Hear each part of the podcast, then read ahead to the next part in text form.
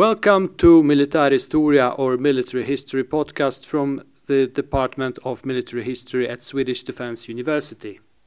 I am Piotr Wawrzeniuk and my guest today will be Professor Andreas Umland, Associate Professor of Political Science at the National University of Kiev Mohyla Academy in Ukraine and also currently an analyst at the Stockholm Center for Eastern European Studies at the Swedish Institute of International Affairs.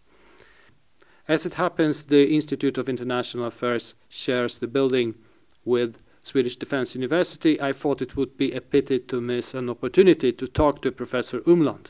And our talk that we recorded in January 2023 is about prospects of Western military aid to Ukraine, the downfall crash of Germany's Ostpolitik, and the future prospects of Ukraine post war. So there is now uh, the Ramstein format, which is a um, consultation group of um, 50 countries that are supporting Ukraine, and the military needs are for Ukraine basically the same as um, months ago. These are heavy weapons, and uh, recently the uh, question of the battle tanks has become uh, uh, topical, and it looks now as if indeed uh, large amounts of heavier weapons, uh, including battle tanks, will go to Ukraine, and Ukraine will need them both for defensive and for offensive operations.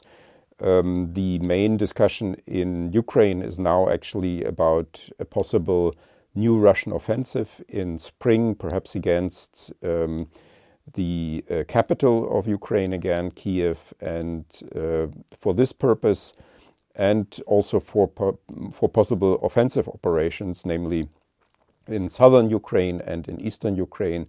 Um, uh, Kiev needs uh, these uh, various uh, heavy weapons, not only um, battle tanks, but also other um, uh, weapons that will enable it to liberate the occupied territories again. And I understand there is tremendous pressure on Germany to release the tanks. It, seem, it seems to be a very painful process. Yes, uh, the German behavior um, since uh, 24th of February 2022 has been rather frustrating for many um, East uh, Europeans and for other partners, in that uh, Germany is the largest economy in uh, Europe and has a large uh, military industry, but has been providing military support only very slowly. Um, it, in recent months, it this military support from Germany has become more significant uh, with various types of anti-aircraft missiles, of artillery, of um, uh, armored vehicles uh, being now um, delivered or prepared for uh, delivery. Um, but these decisions have usually been only after long discussions and long after Ukraine has requested this or that um, type. Um, the reason for that are uh, various. Uh, perhaps the most important reason uh, is that Germany is not used to this kind of foreign policy. Mm, the uh, classical foreign policy uh, activities of Germany before 24th uh, of February um, 2022, that means before the large Russian invasion on Ukraine, ha had been until then uh, di diplomacy, infrastructure projects, cultural exchange, scientific cooperation. This is what um, Germany does um, usually in its foreign policy, and it has been uh, very uh, restrictive in its um, use of military power um, before. Germany has a rec record of actually uh, exporting also um, heavy weapons uh, and has also uh, done so partly even with regard to conflict zones, but not um, in in Europe. And so um, this is a particularly difficult um, part of the German support for Ukraine. Uh, less difficult is financial, economic, humanitarian, and so on support. And that's why um, Germany has been rather looking for certain guidance, for certain signals from other countries. And it has tried to uh, be within a larger group of uh, supporting countries.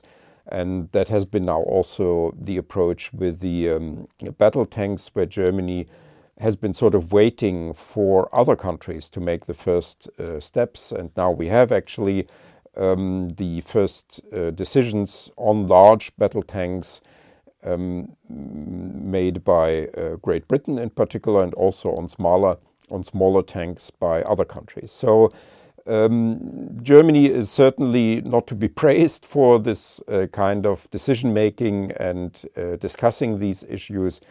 Um, but on the other hand, I would also ask here for some understanding of this uh, uh, German behavior because uh, indeed for, for Germans this is something difficult to um, to get used to. And what is also a complicating factor here is that uh, we are talking about um, uh, territories where German weapons were once already hev heavily present, um, also German tanks, and uh, that makes it for Germans a particularly touchy issue. And uh, um, people then draw different conclusions from that. Um, I think the most logical conclusion uh, from uh, the history of World War II is that we we Germans should be the first to support Ukraine uh, because we uh, we are obliged, so to say, by history to do that.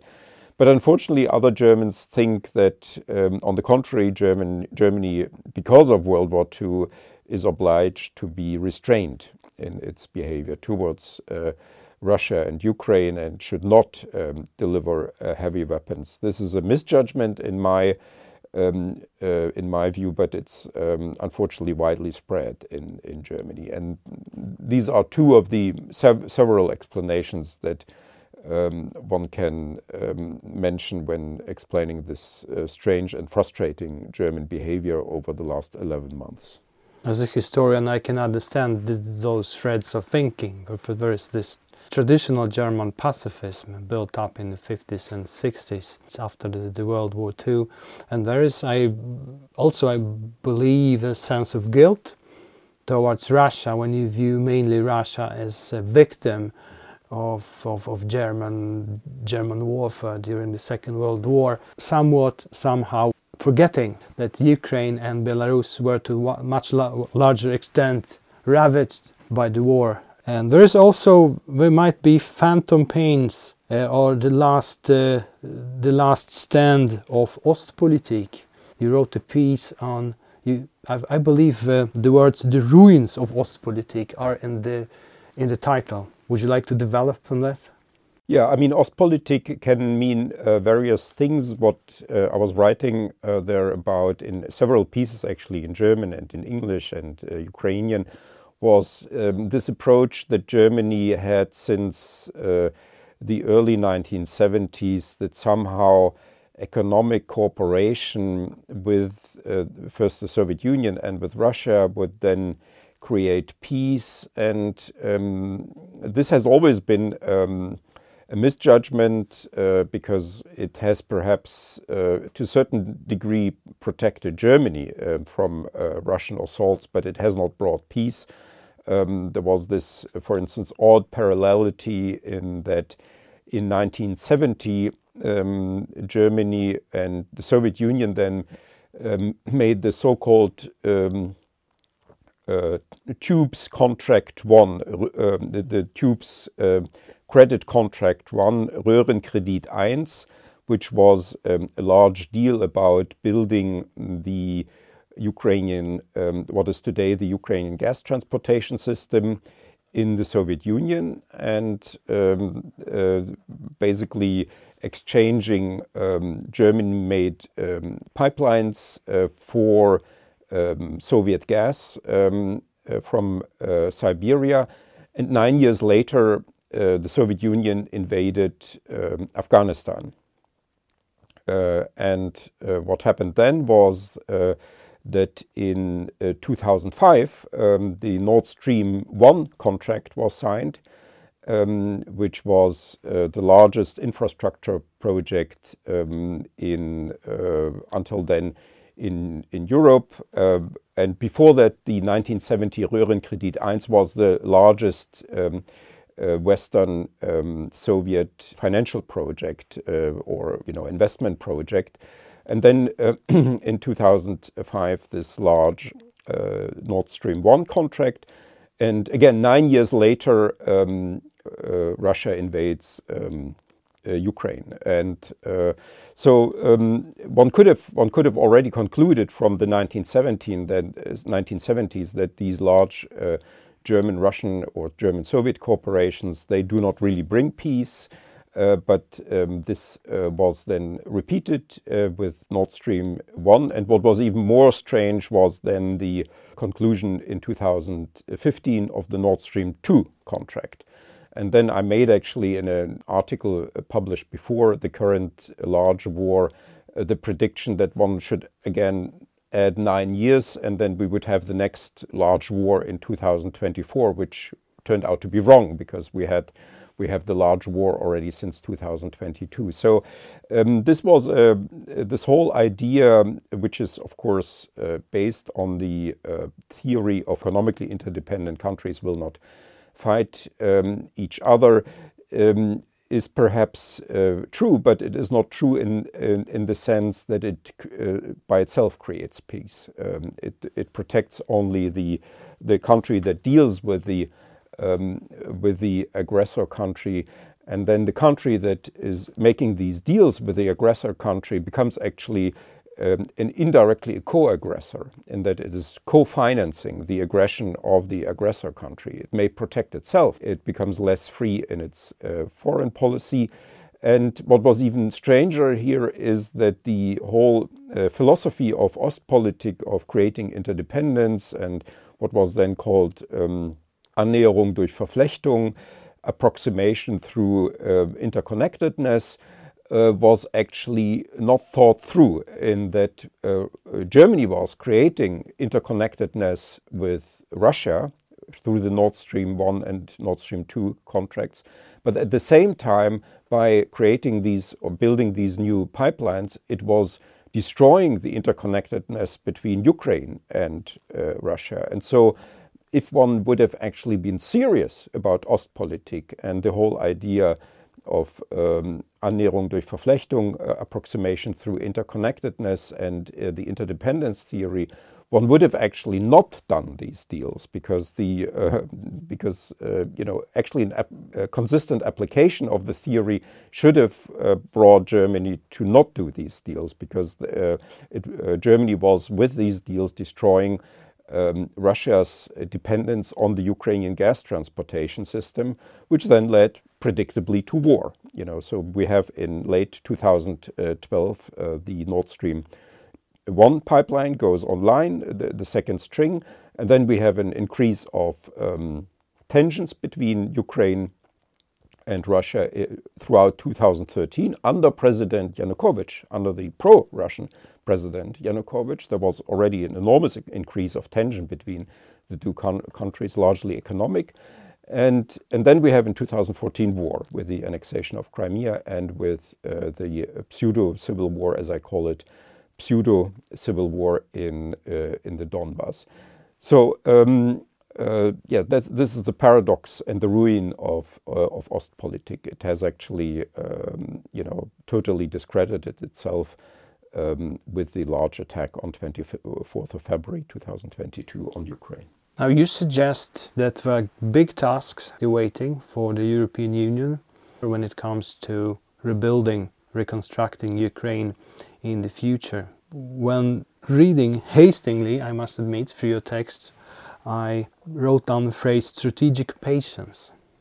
Because we need to have strategic patience. I believe people such as, I mean, the analysts, people working with let's say, analyzing Ukraine and Russia, who've been doing it for some time, they realize what I mean strategic patience when it comes to helping Ukraine, deterring Russia. But I don't really believe the population at large the citizens of the European Union, they realize what it might mean in the long run? How can we possibly make them understand? Well, uh, there are various ways to approach it. I, I, think the, the most obvious one is that this is um, a larger conflict which is not only about Ukraine, which is about uh, world politics, in fact, about the future security order of the uh, of the world. In um, and that's why our support for Ukraine is not just out of solidarity and out of uh, emotions and ideals and so on, but it's also in our own interest. So we should have here a strategic approach in that we um, uh, should understand that uh, this is not something that can be uh, solved quickly with some sort of fishy deal with, with Russia, and um, that we need here to invest uh, time and energy and money and, uh, and solidarity and a lot of thinking as well in order to solve this issue properly so that um, the um, international order is supported and that, uh, for instance, not other countries may then actually, if we do not have enough strategic patience, if we do not support Ukraine enough, make wrong conclusions out of it. For instance, they could look at Ukraine and they could um, think for themselves, well, we don't want to be as stupid as the Ukrainians um, and um, you know let ourselves be attacked by um, a superior power. We need to protect ourselves. So we need to actually acquire uh, weapons of mass destruction because, as the Ukraine example um, shows, um, you cannot rely on international law, international solidarity, international organizations. You need weapons, big weapons, and perhaps nuclear weapons to protect yourself, um, because you cannot rely on all of these um, you know agreements and all of this stuff. And and most people uh, uh, in the in the world they don't have any documents like, for instance, the Budapest Memorandum, where Britain, the U.S. and um, and Russia gave security assurances to to Ukraine. Uh, Ukraine has this Budapest Memorandum when it gave up its nuclear weapons that it inherited from the Soviet Union.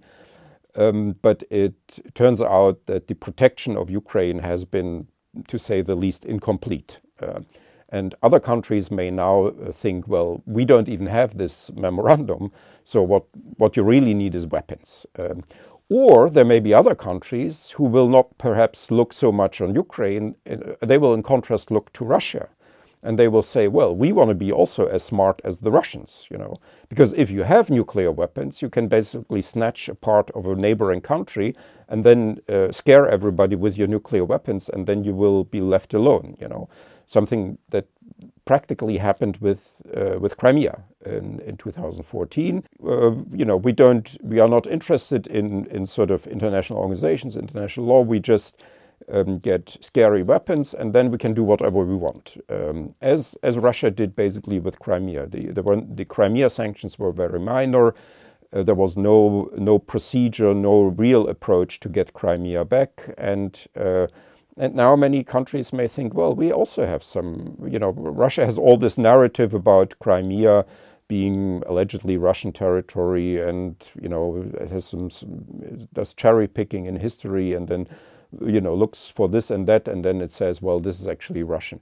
But many, many countries around the world can do the same thing with neighboring territories and say, you know, look at this and that period in history that actually gives us the right to um, to occupy the, country. And if you have enough weapons and can scare everybody away, then you can uh, you can do that.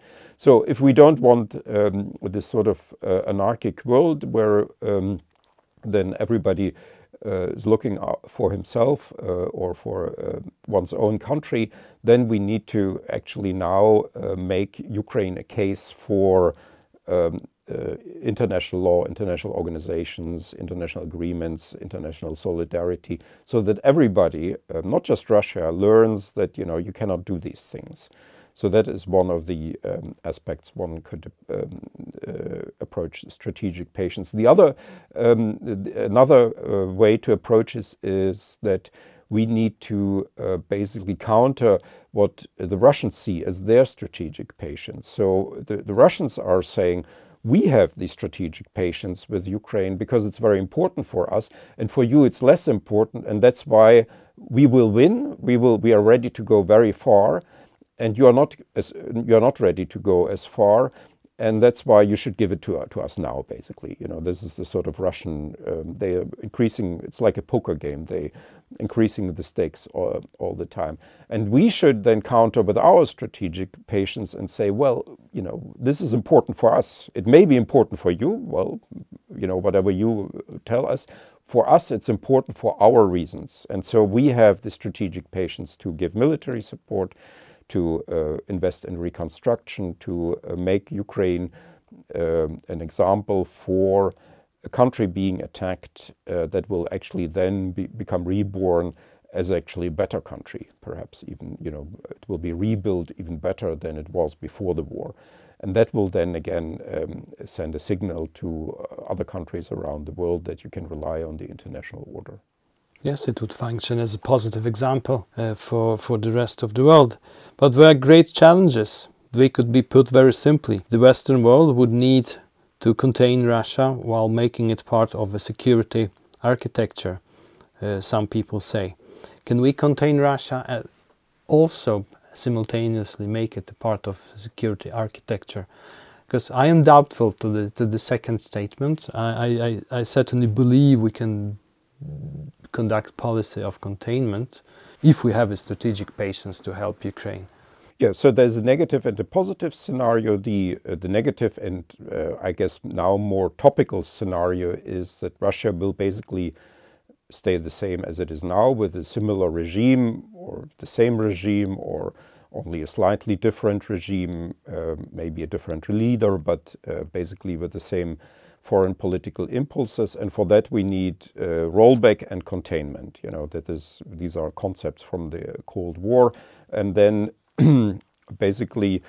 Um, Ukraine is indeed a frontline, a frontier state uh, which needs to be pro uh, protected. And if we cannot include uh, Ukraine into NATO, we know we we will have to give uh, Ukraine not only the weapons now to to fight this war and to reconquer its um, territories, but we also need to provide the weapons to Ukraine and the economic support to Ukraine to prevent future wars. You know that is, uh, and to make it secure, and um, uh, and then make it a part either officially within NATO or or less uh, officially. Um, in, uh, in another uh, security arrangement, um, a part of the um, uh, of the Western alliance.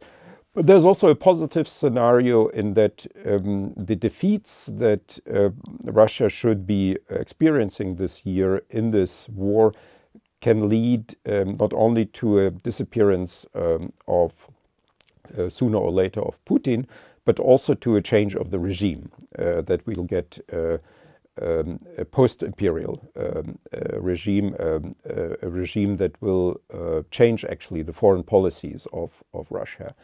And I think we should communicate also uh, to Russia our plans for Russia if that happens. Uh, so Russia clearly would have to do the first step. It would have to uh, withdraw its troops from Ukraine, from Moldova, from Georgia, from Syria. It would have to change its foreign policy priorities. Perhaps it will would also have to change its uh, domestic uh, politics.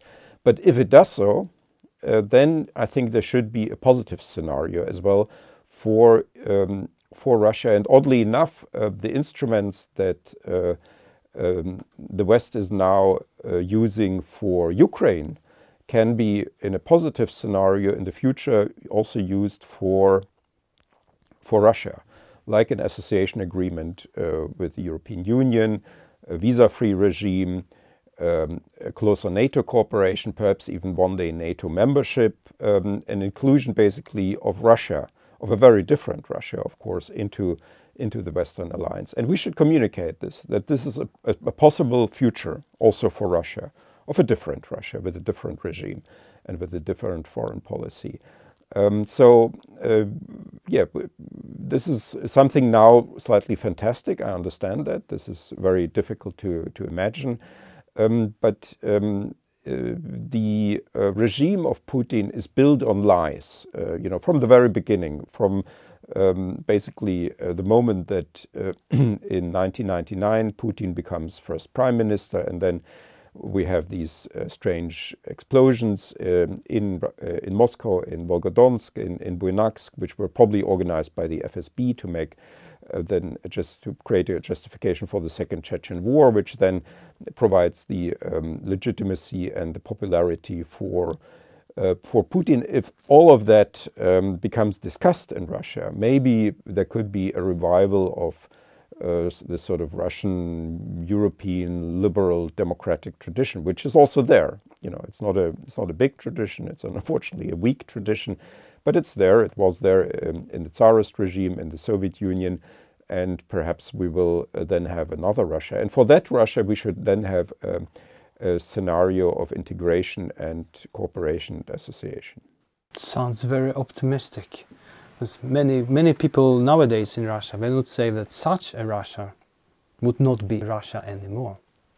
Yeah, but um, I'm speaking here from the German experience. You know, if you um, if you think about it, um, within 15 years after World War II, Germany was fully integrated into into the West. Just 15 years, when people had still a living memory of World War II. Um, you know the the gas chambers and all all that. Germany, you know, in ninety um, became a member of the Council of Europe, of the European Community uh, for Steel and um, and Coal, then of the European Economic Community, the European um, Atomic uh, Community, the European Parliament, NATO. Within 15 years, all of that happened. Um, so Germany became a full part of, of the Western Alliance. And so these things are possible. Um, uh, that would have to be different in Russia. There's no Germany was occupied and then uh, re-educated also by the Western powers. But um, um, maybe that is also uh, possible in, in Russia. At least we should talk about, and we should talk to the Russians about it. That you know, we have this experience with uh, post-war Germany. We we would be happy to do have a similar scenario with Russia, but it's up to the Russians, of course, to then change their countries um, uh, respectively. But it is possible. I would agree. It's not impossible. It's uh, it's within the sphere of possible in the long run, but in the short run, I I can't see how it can be done because I believe that it's not merely Putin's Putin's war. It's Russia's war, and and the majority of the population supports this war, and the very legitimacy of the regime, as you said earlier, it rests upon the war perceived as successful, the pacification of Chechnya in the Second Chechen War. But Hitler's war was also a German war, uh, popularly supported, and uh, you know, if somebody would have said in early 1945, in 50, within 15 years, Germany is going to be fully integrated into uh, the Western world, people would have also said that this is fantastic and unrealistic. Mm -hmm. Let's let's get back to, to Ukraine and the need to rebuild and reconstruct. You write about the need not merely to rebuild reconstruct Ukraine, but to build it, rebuild it according to contemporary standards.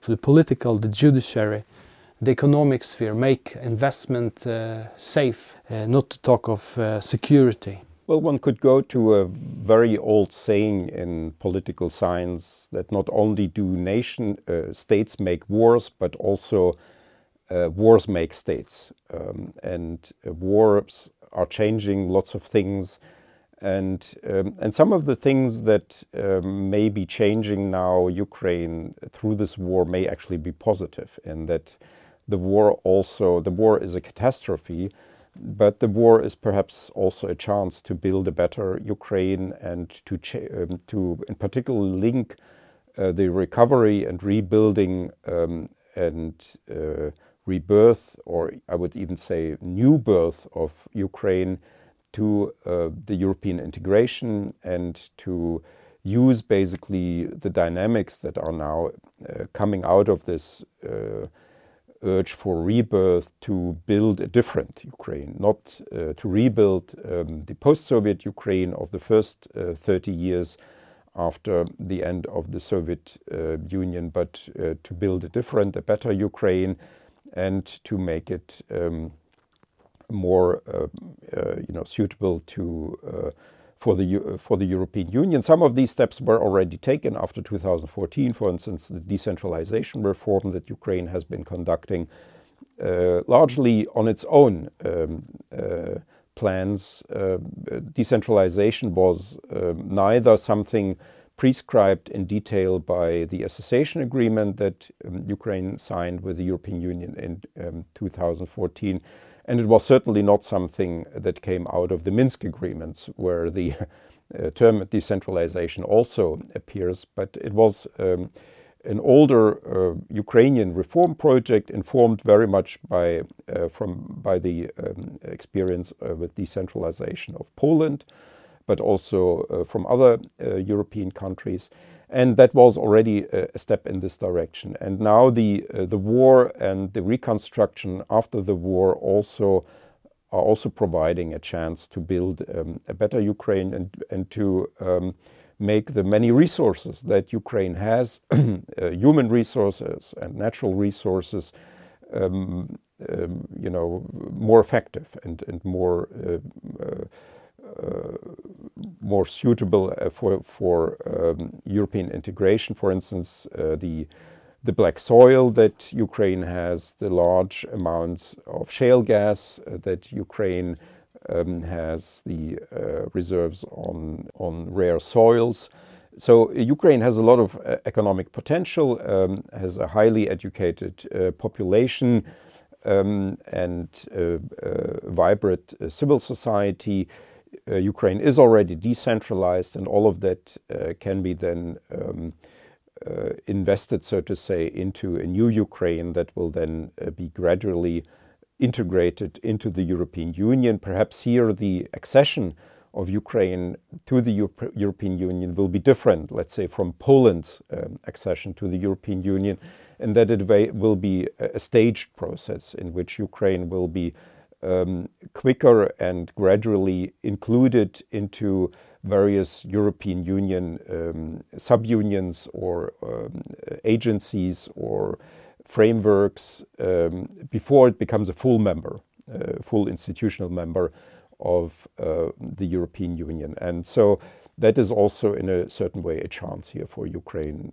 um, together with Moldova and Georgia, to then um, enter the European Union um, uh, using the impulse that comes out of the uh, recovery and the rebuilding and the high attention that now the the West has for uh, Ukraine and for Eastern Europe in general.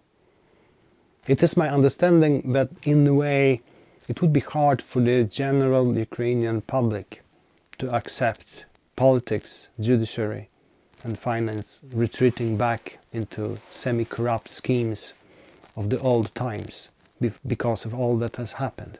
It was a strong feeling even before the, the full-scale invasion.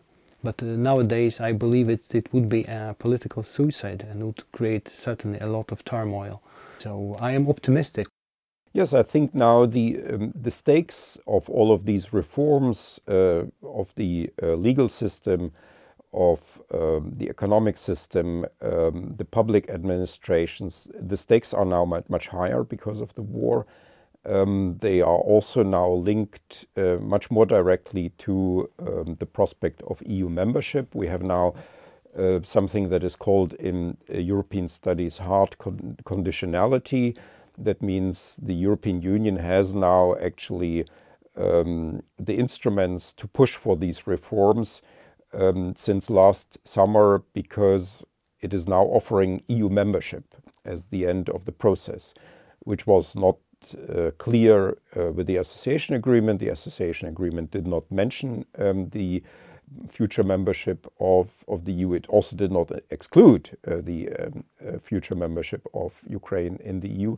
But now, with the EU candidacy of, um, of Ukraine, we have actually um, the instruments now for the European Union to really push for these reforms. But there will, as you rightly said, there's also now um, a much stronger push from inside Ukraine to, to get the state in order and to uh, fight corruption and to make uh, the rule of law functional and um, uh, to organize the state so it functions, so it um, is uh, able to defend itself, so it is able to enter the European Union. So there is now also uh, a lot of um, domestic pressure and much less um, patience, so to say, with regard to oligarchs or corrupt um, officials. Let's call it a double push and pull effect. The combined effort of the European Union and, and the people of uh, Ukraine making about a change uh, in foreseeable future. Uh, thank you very much for talking to me. Thanks for having me, Potter. Thank you for listening to our podcast and welcome back.